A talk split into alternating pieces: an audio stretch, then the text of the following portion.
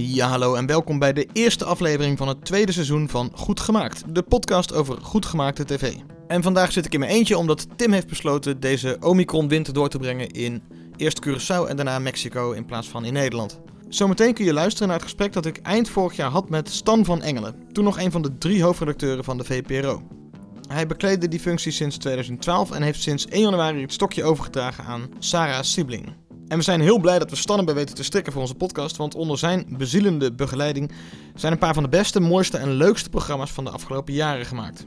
Zondag met Lubach, Hokjesman, Onze Man in Teheran, de series van Stef Biemans, Sunny Bergman, alles van Nicolaas Vul en Tim den Beste, Het Zaad van Kabaat, Essen in Wonderland, Wetenschap Havermoutpap, Jordi Season, Treur TV en ga zo maar door. Het leuke aan Stan is, en dat hoor je van veel mensen, dat hij ondanks zijn hoofdredacteurschap altijd ontzettend benaderbaar was en is. Zonder capsones te krijgen of anderen zijn wil op te leggen. Of zoals collega en vriend Stef Biemans het tegen ons zei, hij staat niet boven je als maker, maar naast je. Veel plezier met luisteren naar zijn afzwijgesprek als hoofdredacteur met de enige echte Stan van Engelen. Welkom Stan bij onze Dank. podcast. Ja, Tim is er vandaag helaas niet bij. nee, zonde. Ja, je Ja. mij moeten doen. Nou, vind ik ook niet erg. Leuk. Hey, wanneer is voor jou televisie goed gemaakt? Oh, meteen zo'n grote. Eh, goed gemaakt, goed gemaakt. Nou, ik hou, ik hou van creatieve televisie. Dus, dus televisie is... Het begin is in elk geval... eh, als, er, als er een programma is waarin je voelt dat de maker of een team echt iets nieuws heeft geprobeerd. Dan heb ik al een soort, soort eh, eh, sympathie meteen voor zoiets. En of het dan helemaal goed uit de verf komt of niet. Maar in ieder geval vind ik het dan al leuk en spannend en boeiend om er naar te gaan kijken. Ja, dus da daar begint het wel mee, originaliteit. En, maar langlopende series kunnen natuurlijk ook goed zijn. Of programma's die al lang bestaan. Zeker. Dus ik snap je punt. Maar, maar wat, is er een soort van eh, iets wat goede televisie met elkaar verbindt? Eh, ja, in de, in, de, in de nog verder terug, de kern is toch wel, eh, je hebt twee basisvoorwaarden, denk ik. Er moet een goed doordacht eh, vertrekpunt zijn. Gewoon de gidstekst, zeg maar in twee zinnen, wat is dit? Als je dat, als je dat weet, dan kun je aan de slag. Als je dat niet weet, moet je ook vooral nog niet aan de slag, denk ik. En er is altijd zoiets als structuur. Je hebt structuur nodig in elke vertelling. En, dat, en de structuur kan ook zijn, het mag alle kanten op gaan, maar dan is het een bewust bedachte, zeg maar, chaosstructuur. Maar je moet wel echt, echt een idee hebben over wat is de structuur, waar wil ik naartoe werken, hoe wil ik beginnen. Dus dat, is, dat zijn wel twee randvoorwaarden, denk ik, voor in ieder geval heel veel televisieprogramma's. Waar moet die structuur dan aan, voldoen, vind jij? Moet dat altijd spannend zijn en je van A tot, eh, van A tot Z eh, meetrekken het verhaal in? Of mag dat ook abstracter Nee, zijn? Ja, mag, mag zeker abstracter zijn. Want het hoeft, het hoeft niet te zijn dat het altijd eh, een logische vertelling is. Dat hoeft helemaal niet. Maar als, als maar wel, als er een duidelijk plan is hoe je het verhaal wil brengen. En dat mag best heel gelaagd, heel complex, met meerdere stemmen en met veel informatieachterstand die je later gaat inlossen. Maar eh, je voelt het, laat ik hem omkeren, als je daar niet over na hebt gedacht, dan loop je op een bepaald moment vast in het proces. Soms bij het draaien kom je er nog wel uit. Maar dan zit je in de montage zo te klooien dat de kans heel groot is dat eh, je ook als kijker achteraf gaat voelen dat er iets aan het programma niet klopt. Dat je voelt dat er één, eh, alle zeilen bijgezet zijn om er nog iets van te bakken. Dus, dus dat heb ik natuurlijk de afgelopen jaren wel geleerd, ook door schade en schande. Van als dat niet op orde is aan de voorkant, een idee eh, over de zeg maar de basisvraag, de kern van de inhoud, maar ook over hoe gaan we dit vertellen. Hè, en dat is te lang in het midden blijven, hang- eh, blijven zweven. Ja, dan, dan ga je dat, eh, tenminste de kans is heel groot dat je dan ergens dat in het programma gaat zien. En eh, heb je voorbeelden van de afgelopen jaren waarbij dat wel eens mis is gegaan en uiteindelijk toch nog is goed gekomen? Ja, tuurlijk. En dan gaan we het daarna ook over alle mooie dingen hebben. Hè? Ja, precies. Meteen. nee, pff, weet, ehm, het, eh, dan is het wel belangrijk. Kijk, eh, ik vind bij de VPRO is het ook. ehm, eh, de opdracht is eigenlijk om altijd iets nieuws te proberen. En de ene keer pakt dat goed uit en de andere keer minder goed. Maar dat is wel de basisopdracht waarmee heel veel mensen hier aan het werk zijn. Dus Dus het is ook niet erg in die zin dat het een keer niet zo goed uit de verf komt. Ik vind het ik vind veel eerder het makerslef dat je probeert om een bijzondere vorm uit, uit, te proberen of een hele spannende invalshoek. Dat is al eigenlijk waarom wij er zijn. Dus ehm, en, en dan zijn er in de afgelopen jaren best programma's te noemen waarbij je achteraf dacht, oh ja, daar hebben we de ambitie was goed. En achteraf moet je denken, god, hadden we niet iets beter na moeten denken aan de voorkant over hoe, hoe dan? Wat wordt de structuur? Dus bijvoorbeeld, om maar, met, om maar een heel mooi programma te noemen, wat ik wel, waar ik wel echt met veel plezier naar gekeken heb, maar wat achteraf wel tamelijk complex was, was uh, Made in Europe. En dat was uh, heel, heel uh, verfilming van een boek van Pieter Steins. Eigenlijk een encyclopedie over de Europese cultuur. Dus dat is al een vertrekpunt. Hè? Geen lineair narratief wat je gaat verfilmen, maar een, maar een encyclopedisch boek met heel veel lemma, lemma's. En uh, de makers wilden uh, recht doen aan dat boek door ook kriskras associatief door die Europese cultuur te vliegen. Dus het ging echt van de Hagia Sophia naar de kathedraal in Chartres, geloof ik. En door, door tijdvakken heen. En nou ja, heel ambitieus en heel poëtisch en mooi aan elkaar gepraat door Dimitri Vrulst. Um, maar uiteindelijk was het wel een zoekplaatje. Dus uiteindelijk, als je erin over, uh, zeg maar, als je eraan overgaf, dan was het uh, heerlijke televisie. Maar je moest er wel echt hard voor werken als kijker. Dus ja, als je daar zin in hebt, dan heb je een hele mooie uitzending. Maar je, maar je zag bijvoorbeeld wel aan het bredere publiek trekt dat moeilijk. Die vindt het gewoon echt complexe tv. En los van, daar zat heel veel vakmanschap in, maar daarvan dacht ik achteraf wel, zoveel, zoveel lagen en zo associatief is, is echt is hartstikke mooi. Maar volgens mij moet je nog, hadden we bij die serie ook nog iets beter moeten weten wat uh, de Vlamingen noemen dat uh, finaliteit.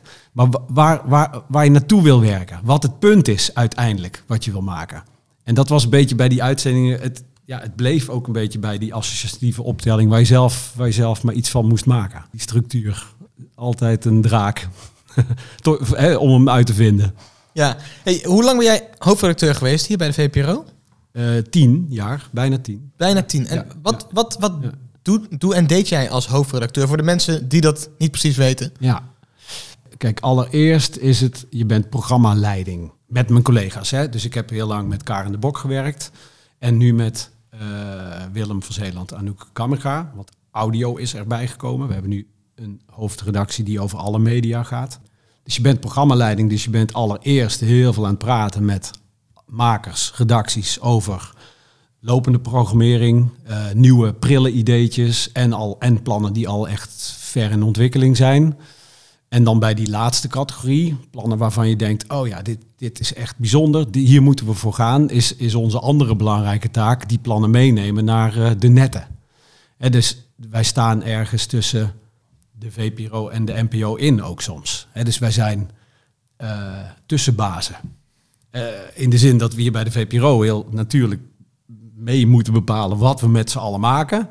Maar bij de NPO zitten we in de vragende positie moeten we, moeten we proberen om de plannen die hier ontwikkeld zijn uh, geplaatst te krijgen, zoals het heet, ingetekend. En, en hoe, hoe, hoe werkt dat? Want ik weet niet, hoeveel formats ga jij dan per week of per maand mee richting uh, de netmanager?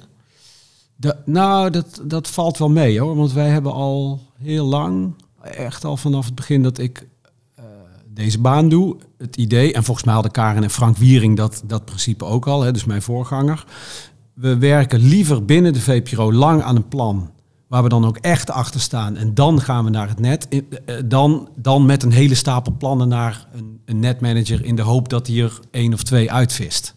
En dus ons idee is, we zijn streng aan de, aan de voorkant.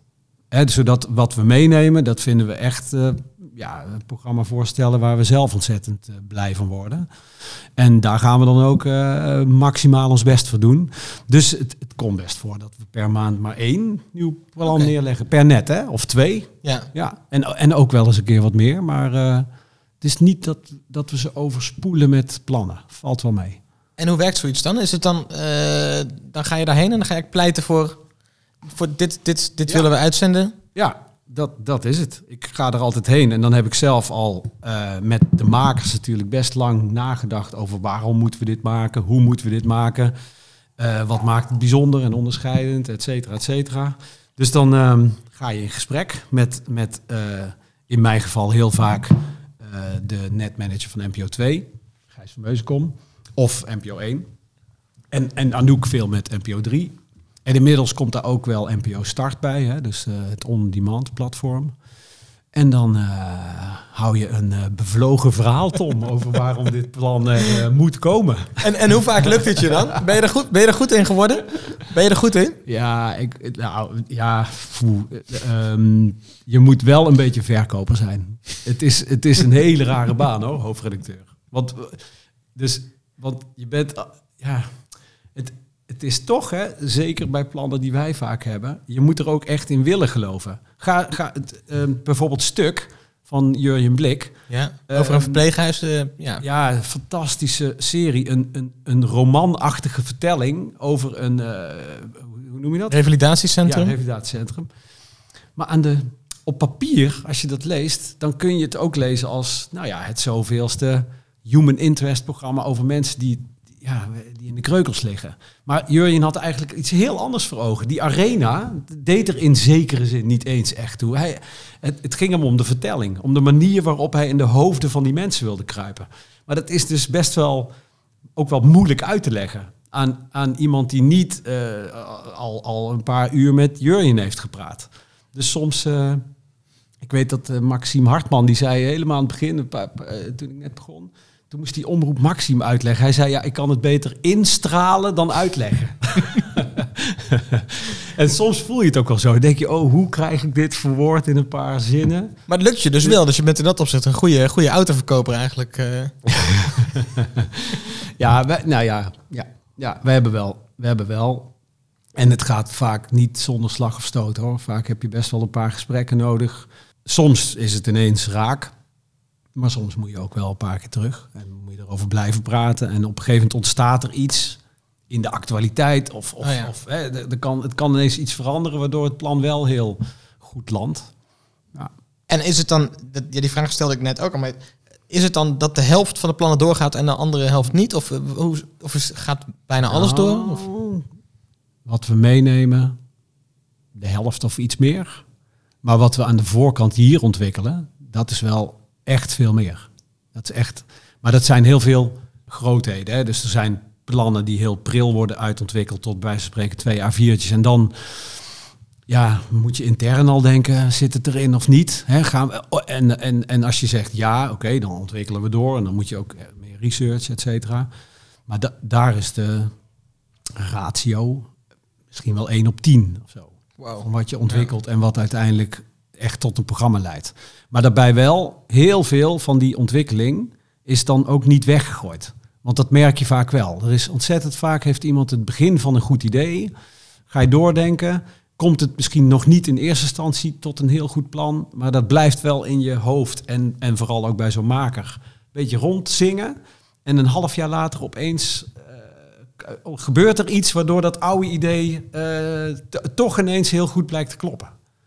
Dus je hebt best veel makers, vind ik, die, dat vind ik ook leuk. Dus VPRO is ook wel, is mijn metafoor al, altijd wel, is een soort werkdocument. Gewoon een soort continu werkdocument. Waar we met heel veel mensen aan, aan, aan het werken zijn. Waarbij sommige dingen zijn uh, af en klaar en helder. Maar heel veel dingen die zijn gewoon voortdurend in ontwikkeling. Daar wordt de hele tijd over nagedacht en doorgezocht. En, en op een gegeven moment, over, over een paar jaar, dan kan er, kan er nog iets uitkomen. Ja, dat gebeurt best vaak. Dat er, dat er dan ineens een plan komt wat al twee jaar zeg maar lag te broeien. En dan ineens ja. klopt het of zo. Ja, ja, ja. En, de, en dat is ook wel uh, hoe, creatief, hoe, hoe het creatieve proces hoort te gaan of zo.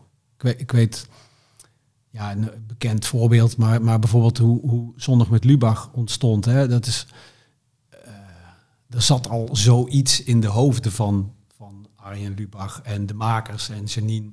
Uh, en ze hebben geloof ik drie of vier verschillende opzetten van het programma geprobeerd op papier. Hè? Tot er uiteindelijk dit uitkwam. Maar dat, was, dat is een proces van misschien wel een paar jaar geweest. Van bureau Renkema, mensen die het nog kennen. Maar dat was echt een hele leuke tv-lab pilot. Tot ZML. Daar zat een jaar of ik, nou, drie, vier tussen. En uh, nou ja, gaandeweg is dat zeg maar uitgekristalliseerd tot wat het uiteindelijk werd. Er zijn ook meerdere pilots van gemaakt, toch? Volgens mij, van ZML. Ja, in de aanloop. Ja, klopt. Twee.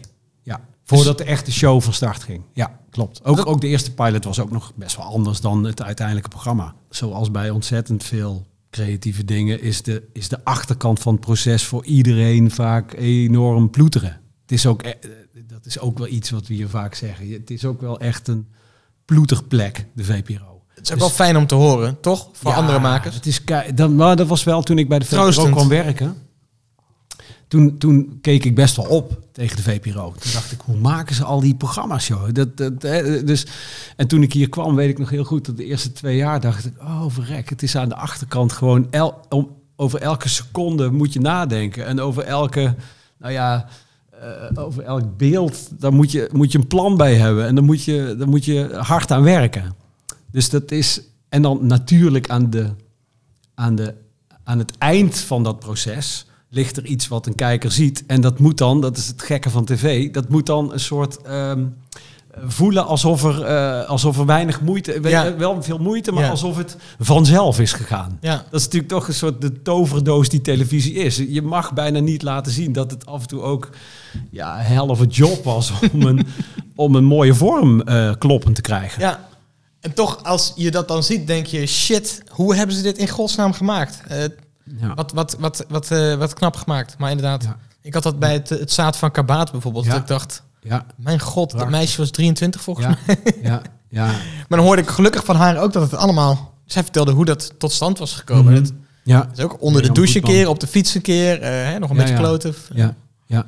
Je bent nu dus tien jaar lang hoofdredacteur geweest. Hoe word je van webredacteur uh, hoofdredacteur? Ja. Wat heb je daar allemaal voor moeten leren?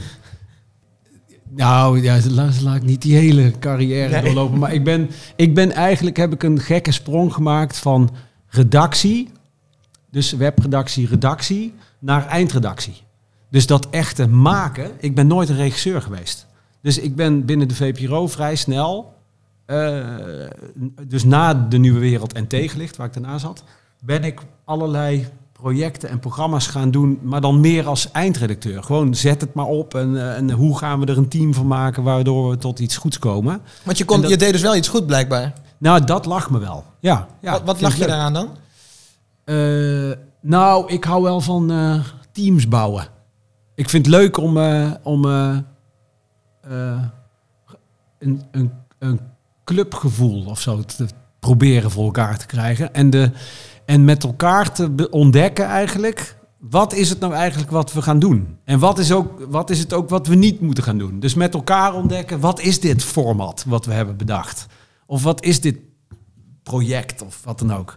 En dat, dus daar, daar heb ik altijd wel lol in. Om dan ja, mensen bij elkaar uh, te krijgen en met elkaar te kijken hoe, hoe haal je uit iedereen uh, het beste. Gewoon, hoe kan iedereen zeg maar op zijn manier, want dat is mijn heilige overtuiging, televisie maken is een soort. Uh, uh, net als een symfonieorkest, echt. Het is een optelsom van heel veel soorten vakmanschap. En als je dat goed krijgt, dan kan er iets bijzonders ontstaan. Het is, het is nooit een solistisch vak.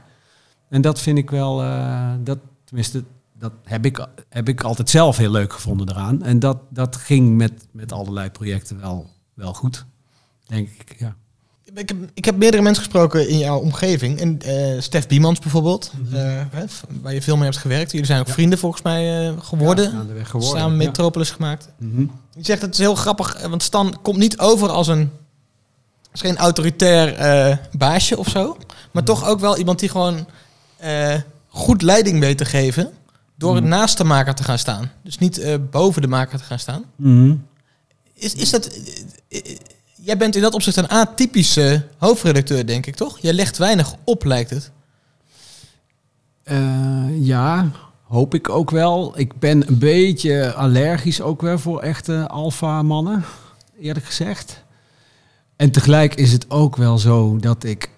Ik durf wel echt lang te twijfelen en echt lang ruimte te geven aan heel veel mensen. En op een gegeven moment is het ook belangrijk dat er iemand dan echt iets vindt. Dus dus ik vind het super fijn dat Stef dit zegt. En zo probeer ik ook echt te zijn. Maar ik merkte wel de afgelopen jaren, jezus, het is een vak van zoveel keuzes, zoveel dilemma's. Ja, af en toe moet je wel een knoop doorhakken. En ook, ook wel een besluit nemen waar mensen minder blij van worden hoor. Dus het is niet alleen maar heel soft. Ehm, dus ik denk dat ik hopelijk meestal inderdaad dat echt doe. Naast de maker staan en vooral niet in de weg lopen. Heb ik ook heel snel van Karen ook echt geleerd. Je moet als hoofdredacteur wel af en toe een beslissing durven nemen, maar je moet vooral ook niet te veel in de weg lopen. Je moet heel veel mensen heel veel ruimte geven, want dan komt het meestal ook goed. Kan, kan dat altijd Nou. zomaar? Dat vertrouwen in, in makers leggen? Die kunnen ook natuurlijk oneindig lang blijven doorgaan. Nee, met, maar eh, dat, dat is wel een beetje wat ik bedoel. Van natuurlijk moet je op een gegeven moment heb je ook te maken met deadlines en budgetten en eh, noem maar op. Dus er moet, uiteindelijk moet er inderdaad ook op een gegeven moment iemand zijn die zegt, ja, nu moeten we stoppen met twijfelen of, of zoeken of wat dan ook. Het moet nu af. Ja, dat, dat klopt. Ja, ja. Maar met name aan de voorkant van een productie. Dus als je aan het zoeken bent naar de juiste vorm en de toon en de stijl en de invalshoek. Dat is wel een proces waarvan ik vind dat je ontzettend lang de ruimte moet geven aan ja, het team en de makers om uit te vogelen wat het moet worden. En dan, en dan heb ik een beetje zelf eh, altijd in mijn hoofd dat je als baas eh, ook niet te snel iets moet gaan vinden. Dus ik, ik, ik vind altijd, zeg maar, het meest killing voor een creatief proces is zo'n is zo'n baas die, die altijd wel weet hoe het moet of zo. Dat, dat houdt de vernieuwing tegen. Dus dan moet je, dat, dat, heb ik niet van mezelf hoor. Er is een briljant boek geschreven door de baas van Pixar.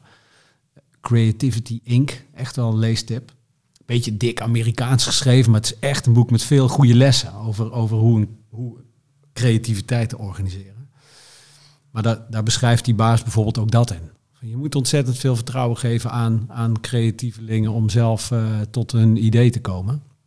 En, eh, en alle obstakels weghalen die dat in de weg zitten. En die zijn er natuurlijk altijd heel veel. En natuurlijk op de juiste momenten wel het goede zetje geven. Hè? Of, of, of aansturen op, nou moeten, we, nou moeten we echt wel keuzes gaan maken. Wat zijn die obstakels dan die, in- die in de weg van een creatieveling staan? Eh, ja, dat, dat kan bij, dat is bij heel veel producties anders. Maar nou, hmm, even de VPRO is, is bijvoorbeeld een obstakel, want ze zijn vaak, kijk, soms zijn het hele logische obstakels. Te weinig draaidagen, te weinig budget, eh, gast die niet wil meewerken. Nou ja, maar dat zijn meer de praktische obstakels. Eh, maar de, de meer eh, verhulde obstakels zijn bijvoorbeeld dat wat wij altijd als kwaliteit hebben bestempeld. Weet je wel, dit is typisch VPRO. Dat is best kan een obstakel zijn als je iets nieuws aan het ontdekken bent. Ja, En dus dat de goede smaak van, van collega's of van ons of van de VPRO, weet je wel, in de weg zit van een maker die eens een keer iets heel anders wil. Wat dan bijvoorbeeld intern kan worden beschouwd, die tijd is wel een beetje achter de rug, maar zo was het wel eens als, oeh, dit is wel echt wel heel breed en toegankelijk. Is Ja. dit nog wel VPRO? ja. En dat is een bekend verhaal rond het ontstaan van de reisjournalistiek. VPRO maakte altijd fantastische buitenlandprogramma's. Diogenes, eh, ook wel de Nieuwe Wereld. En die waren presentatorloos. Dat was een eh, regel bijna. Dat mocht niet. Hè, dat was knieval. En toen kwam Adriaan van Dis en Hans Pol. En die gingen naar Zuid-Afrika. En die maakten een schitterende serie met presentator in beeld. En dat was, was ook meteen goed. Maar er was, dat, het duurde even voor bij de VPRO. Nou ja, die serie werd wel echt omarmd hoor. Maar het duurde even voordat iedereen bij de VPRO zover was. Als dat dat een ontzettend effectieve en nog steeds hele creatieve manier van televisie maken kan zijn. Waarbij het helemaal niet vies is dat er iemand in beeld de kijker meeneemt naar een verhaal. Eh, in plaats van het allemaal maar aan de kijker overlaten wat hij moet vinden. Dus in dat opzicht is het, is dan ook wel veranderd hier. Want de VPRO was van oudsher waarschijnlijk wel een zender die dingen vond dat bepaalde dingen moesten. Net zoals de VARA weer op zijn manier ding, eh, dingen heeft. die- Ja, en wel op heel veel verschillende manieren. Want bij de VPRO had je ook al, eh, je had waskracht, waar creativiteit oneindig was. En je had hele serieuze eh, Wim Keizer-achtige programma's. Dus het was altijd al, en je had natuurlijk satire, dus het was al best wel divers en breed. En er was absoluut constant vernieuwingsdrang, ook voor mijn tijd, weet ik zeker. Maar er was wel iets van, eh, hoe zeg je dat goed? Er zat iets van de VPRO, ook toen ik, nog, toen ik hier kwam, dat als, eh, als we het te veel zouden gaan uitleggen, dat het dan niet meer VPRO werd. Dus als je niet... Kijk, nu is het inmiddels een soort regel. Je moet je kijker of je luisteraar enorm goed het verhaal mee intrekken, want anders begint hij er gewoon niet aan. En dat heeft hier best wel even geduurd. Voor de, even zwart-wit gezegd, de vier minuten durende intro's met Maler en een shot in de achterspiegel. Weet je wel, de soort van het supermooi filmisch begin, maar Ja. best wel hopeloos op televisie. maar voordat werd gezien als eh, niet de esthetisch hoogste manier van televisie maken. Dat werd gezien als een knieval eigenlijk. eh. Ja, Om ja af maar ik chargeer eh, Ja, bewust een beetje, maar het is toch wel zo. Ja, ja, Ja. Ik, heb, ik heb best wel ook in mijn tijd meegemaakt dat ook Karen en ik nog vooral wel eens dachten... Hoe zou dit gaan vallen? Dit wordt vast gezien als eh, wel erg breed. Oh, Metropolis trouwens, is ook wel een goed voorbeeld. Werd in het begin toch ook van gedacht, wat een raar... Wat is Ja. dit voor veel te commercieel gemonteerd programma? En eh, ja, wij hadden er wel plezier in. Maar hoe, heeft, hoe is dan zo iemand als jij, die, die dus van Veronica hield en van VPRO, in deze positie gekomen? Dat is bijna eh godslastering. Heiligschennis. Veronica was best goed. Ja, was, nee, ik vond Veronica ook goed. man, wat een programma. Ik weet nog mijn eerste gesprek ooit toen ik iets voor de VPRO ging maken. Dat was Pieter in de prehistorie. Ja, En toen sprak ik met eh, de oude oud-hoofdredacteur van de jeugd, Anna. Anna van de Staak. Ja. ja. En toen eh, zeiden ik en mijn collega-regisseur Willem dat we dus vroeger vooral kinderen waren die naar Telekids keken. Ja, ja, ja, ja, ja. ja. En? Toen moest ze heel hard lachen. Ja. Toen zei ze, oké, nou laten we snel verder praten. Eh, Maar het, het was natuurlijk wel zo dat je eigenlijk het gevoel had dat je een soort van VPRO-kind moet zijn geweest om hier te mogen werken of zo. Of dat je bepaalde smaak moet hebben. ja, ja. Maar dat, ik, ik denk deep down is dat bij mij natuurlijk ook zo. Ik hou van die eh, vernieuwingsdrang die in de VPRO zit. En ik, ik hou ook van eh, überhaupt de poging om origineel te zijn. Ook al leidt dat tot bijvoorbeeld niche-televisie. Eerlijk gezegd, I don't care. Ik kan er dan enorm van genieten. Dus dat is wel wat mij drijft. En waardoor ik echt lol heb in deze baan ook. Steeds weer zoeken naar het nieuwe. Dus dat is wel de basis. Maar wat ik zelf wel altijd heb gehad, maar ook door de jaren heen misschien meer ben gaan realiseren van, ik vind het, ik vind het ook heel leuk als dat dan voor een heel groot publiek lukt. Ja, En dat, eh, ja, we zijn ook mediamakers. Je Ja. wil ook dat je verhaal door veel mensen gezien of gehoord wordt. ja maar daar, daar wordt toch vaak een beetje op neergekeken, hè? op dat idee? Of val- is dat, Mm, is dat is, wel, veranderd? is wel achter de rug. Oké, gelukkig. Is niet meer.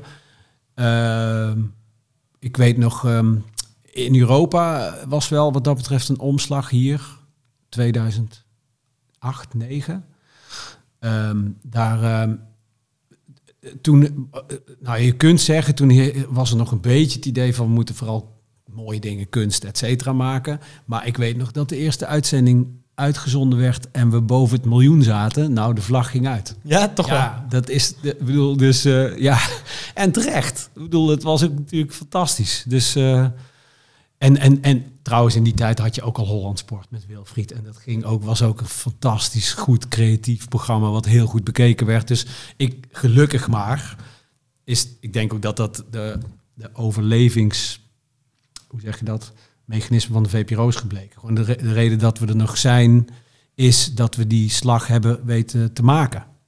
Met behoud van ja, een soort drang of, of hang naar originaliteit.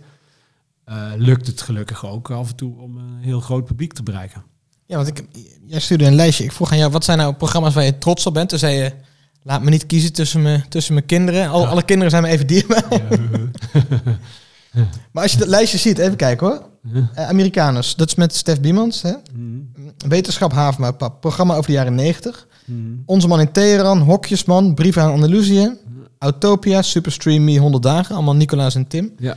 Zwart als roet en andere Sunny docus. Ja. Stuk, Het Zaad van Kabaat. Ja. En ZML. Ja. Er zitten echt wel een paar eh kijkcijferknallers tussen, toch? ja, Het is niet meer, het is niet allemaal heel niche. nee, nee. Maar goed, ik, had, ik, het is, ik heb dit jou even snel geappt, omdat je het vroeg best wel uit- snel... Maar er had ook Treur TV tussen kunnen staan, hè? Geen kijkcijferkanon, wel bloedmooie tv. Met zo, zoveel ideeën in één half uur heb ik bijna niet, niet gezien de afgelopen Nee, tien jaar. nee. Eh, maar ja, nee, ja. Heb je, er nog, meer- heb je nog meer dingen waar je... Oh joh. Nee. Wat, heb, je- wat, heb je, wat heb je hier opgeschreven dan? Nou, ik was dat lijstje nog eens aan het uit- uitbouwen. ja, daar staat nog zoveel meer op. Maar wat ik hele mooie... eh, ik vond O'Hanlon's Helden heel goed. Ja, oh ja. Eh, ook van Rolf van Broekhoven. Die, die eigenlijk zo'n fantastische avonturenserie. Dat is natuurlijk, blijft van hele mooie vorm van tv. Gewoon op reis met Kuifje eigenlijk. Ja. ja, en dan in de meest waanzinnige geschiedenisverhalen belanden. Met, dat is wel een constante, denk ik, in veel van die programma's, met een onwijs goede montage. Want ik ben wel een montageman. Ik hou, ik hou ervan als een programma.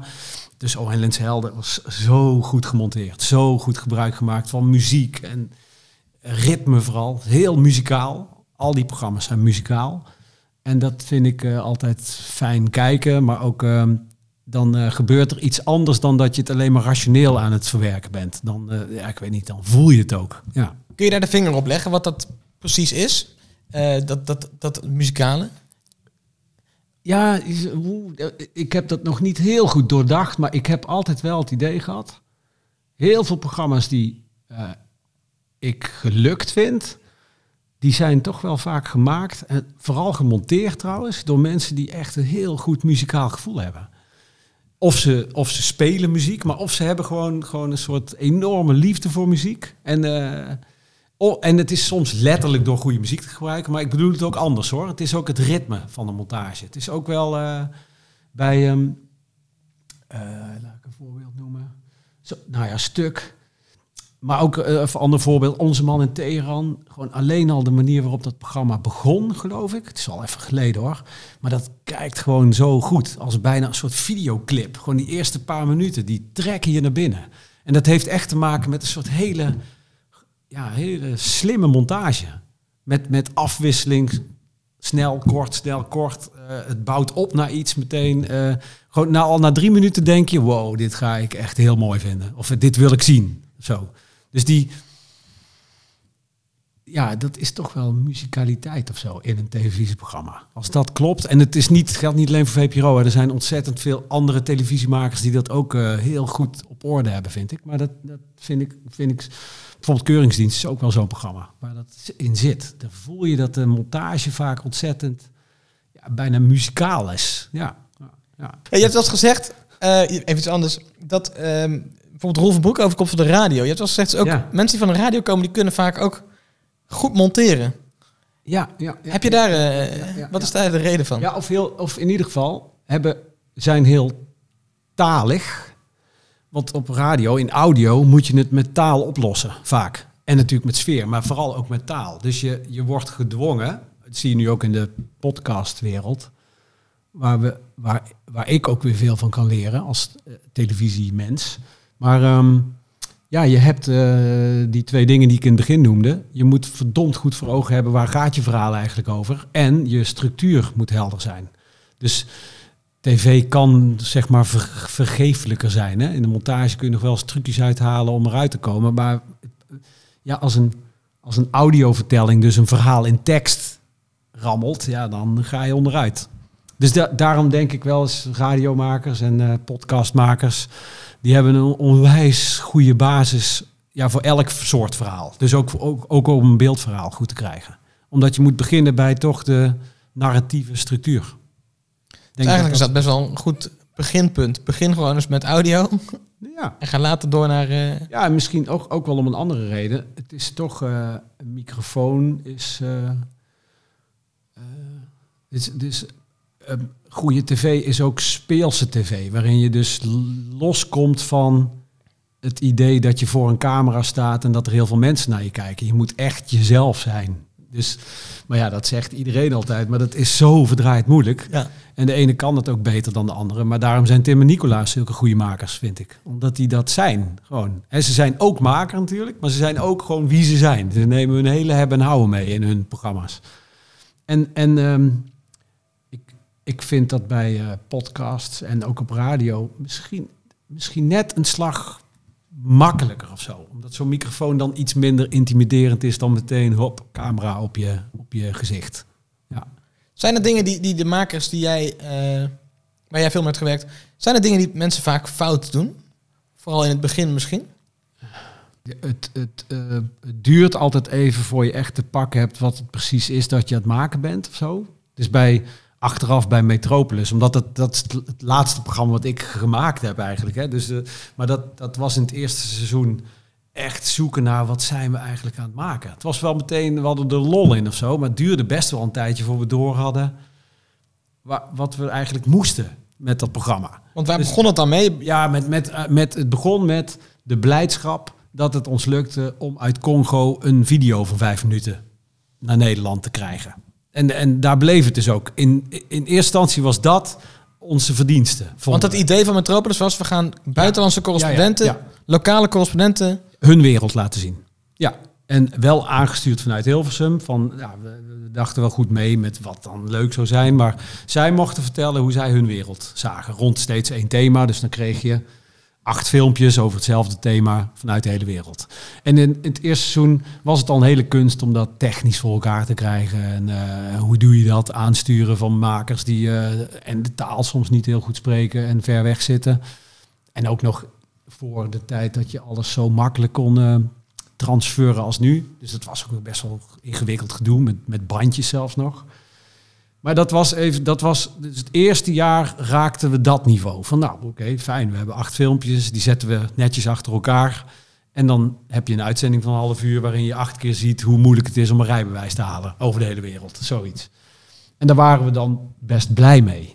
Maar eigenlijk merkte ik pas daarna, door het doorzoeken, dat we, je moet een niveau dieper proberen te komen. Dus het gaat daar eigenlijk voor een kijker, is dat dan best snel niet genoeg. Je moet het verpakken. Dus die verpakking, hè, dus je moet iets doen met, met dat materiaal. En dan pas wordt het goed.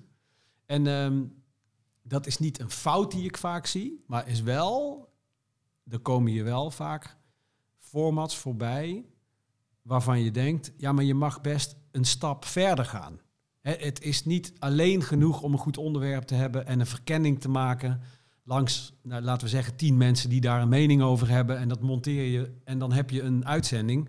Mag wel, is verder niet zoveel mis mee, maar ik geloof heilig in dat de moeite die je neemt om het ook op een goede manier te verpakken, dus door een mooie vormgeving of een originele invalshoek of een, nou ja, iets erbovenop te leggen, maak je bij een kijker duidelijk, er is echt heel veel moeite gedaan door een maker om dit verhaal bij jou te krijgen. En die moeite die voel je als kijker. Dat is een beetje, daar heb ik het ook veel met eh Stef over gehad trouwens. Hoor. Dit is ook Stef Piemans van ja, Metropolis. Stef ja.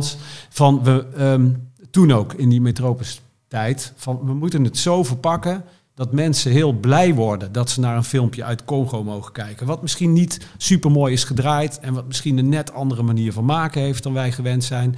Maar we verpakken het zo rijk of we kleden het zo aan en we zetten het zo in onze. Hoe heb je dat gedaan dan, bij, Metropolis? Ja, dat was wel een zoektocht van hier tot ginder hoor. Dat was echt wel bloed, zweet en tranen. Maar door stap voor stap eigenlijk te denken, we gaan het materiaal zien als basismateriaal. Dus niet als eindmateriaal, maar als basismateriaal. En nu gaan we eens kijken wat wij eraan toe kunnen voegen. En toen zijn we bijvoorbeeld begonnen met het bouwen van een eh, hele, hele goede intro. Dus in, in de eh, tweede of derde seizoen was het volgens mij. Dat begon echt met een nou, best wel hyper de pieper gemonteerd introotje. eh, met dat we het thema even heel goed neerzetten.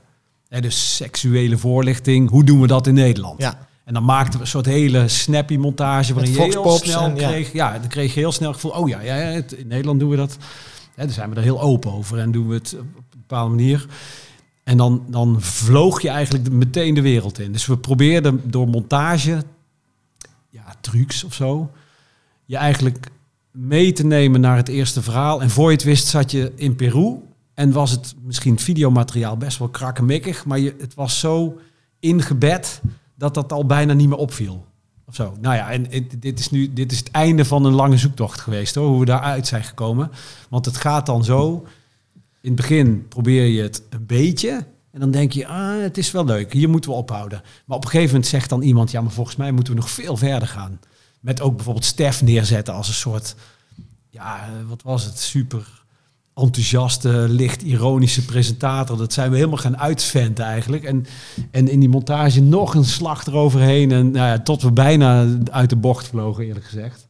Maar goed, zo stap voor stap kwamen we wel tot ja, wat dan de verpakking werd. Of in ieder geval een programma wat een eigen smoel kreeg. Ja. In plaats van een optelsom was van acht filmpjes. Ja. Dat, dat, ja, ja, ja, Er ja. zit ook een risico achter natuurlijk om zo heel uitgesproken te zijn in je, in je vormgeving en stijl. En Ja. ik, ik, ik merk zelf dat makers er wel eens bang voor zijn dat ze dan misschien de verkeerde keus maken, weet je wel. Mhm. Oh, maar als we dit doen, dan is er geen weg meer terug. ja. En dat ze dan toch wat dichterbij, toch inderdaad standaard interviewtjes, standaard loopshotjes, standaard drone shotje nog ertussen. Mhm. Eh, ja.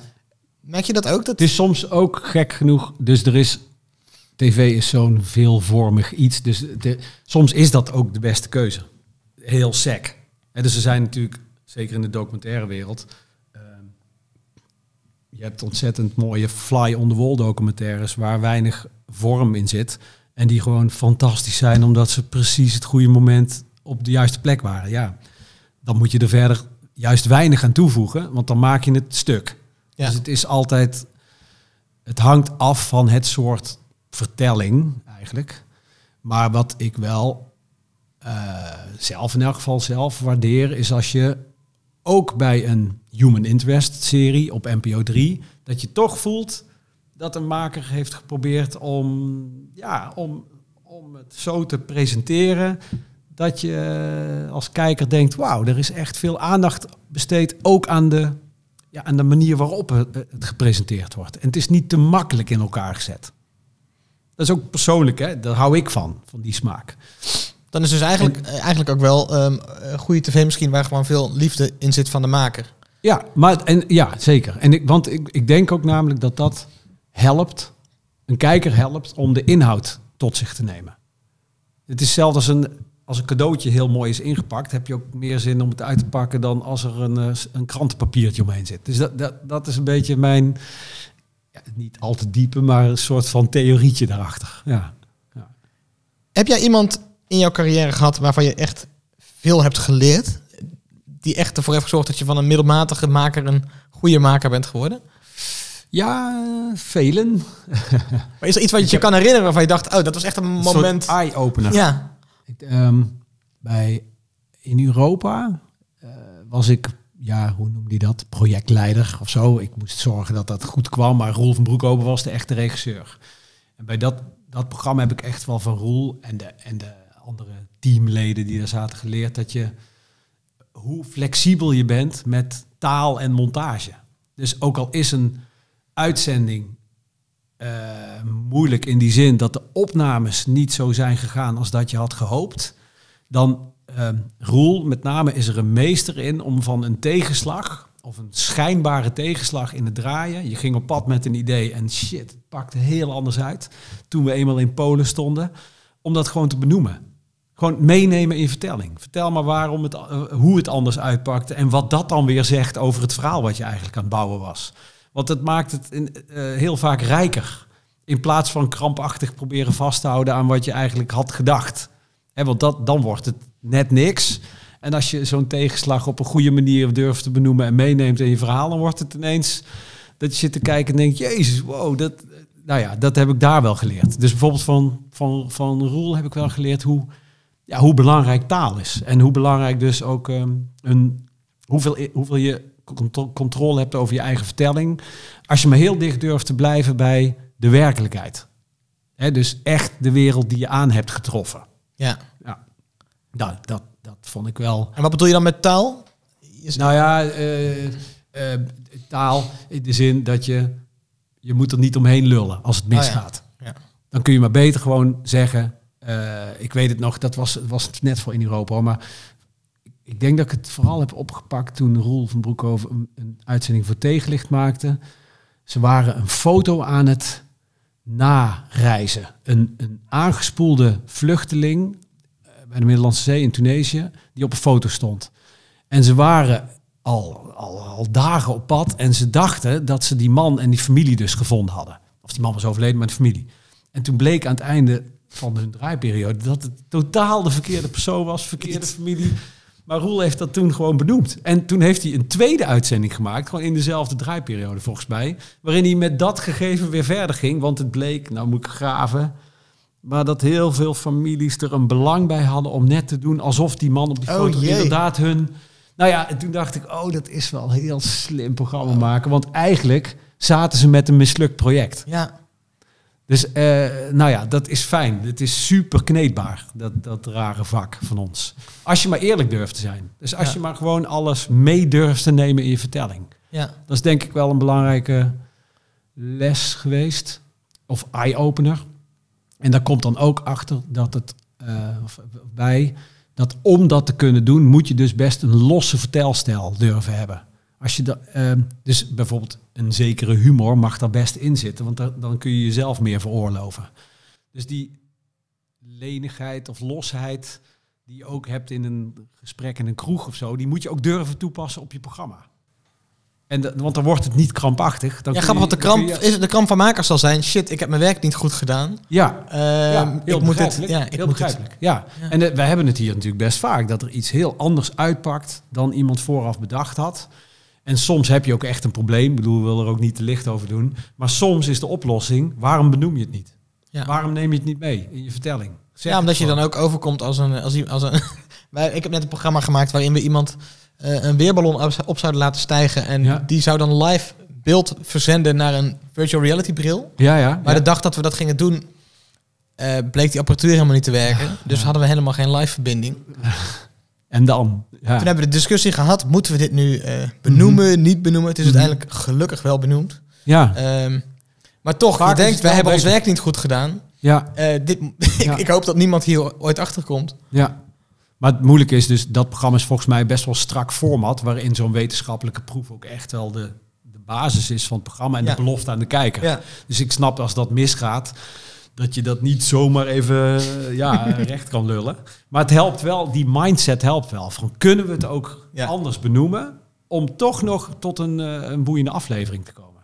Nou ja, ik, ik, ik vind dat zelf ook wel een fijne manier van maken. Dat je eerlijk bent over eh, ook wat je onderweg tegenkomt. En dus in brieven aan de rest van Spanje, die hebben we net uitgezonden van Stef Biemans, heeft hij op een gegeven moment een gesprekje met een migrant, jongen die gevlucht is.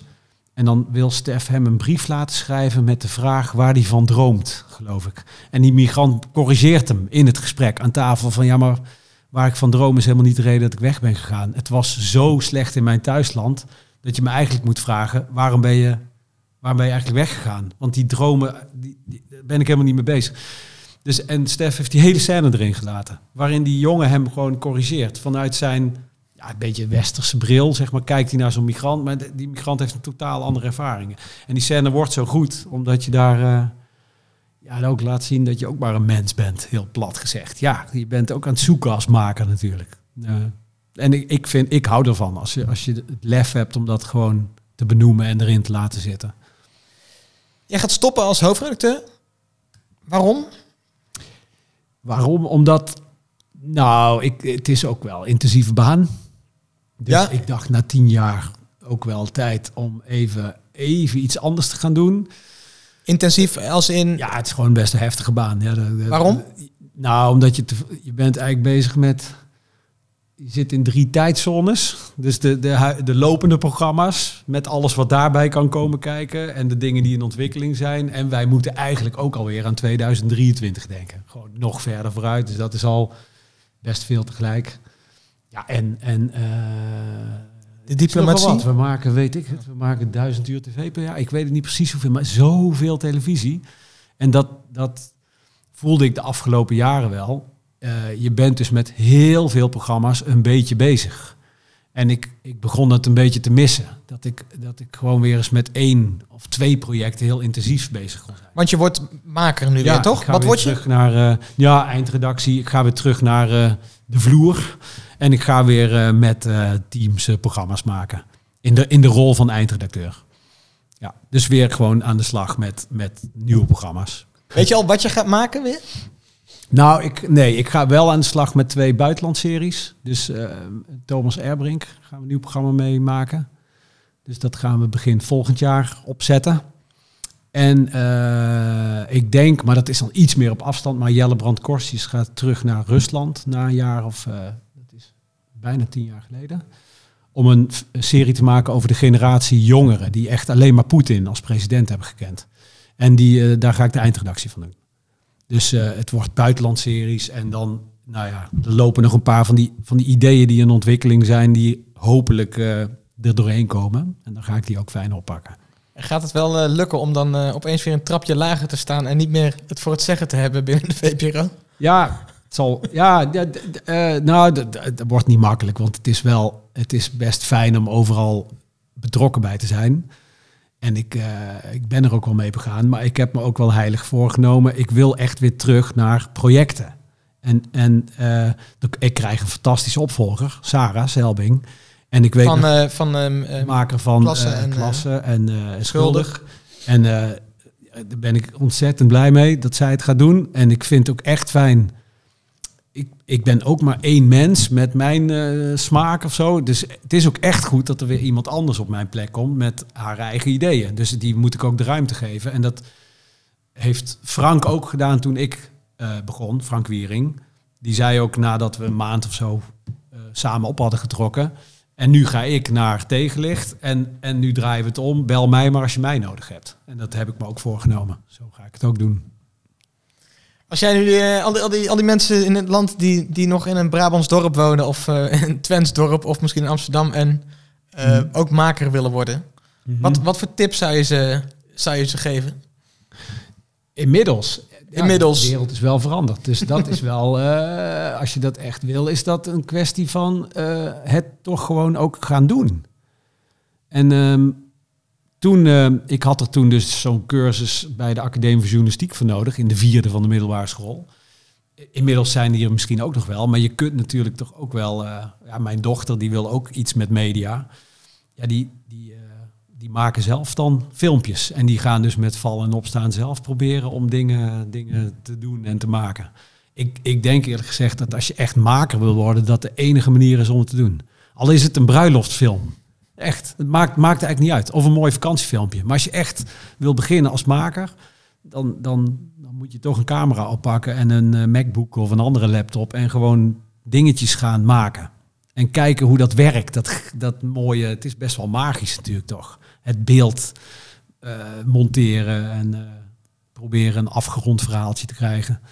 Dus dat is de eerste tip.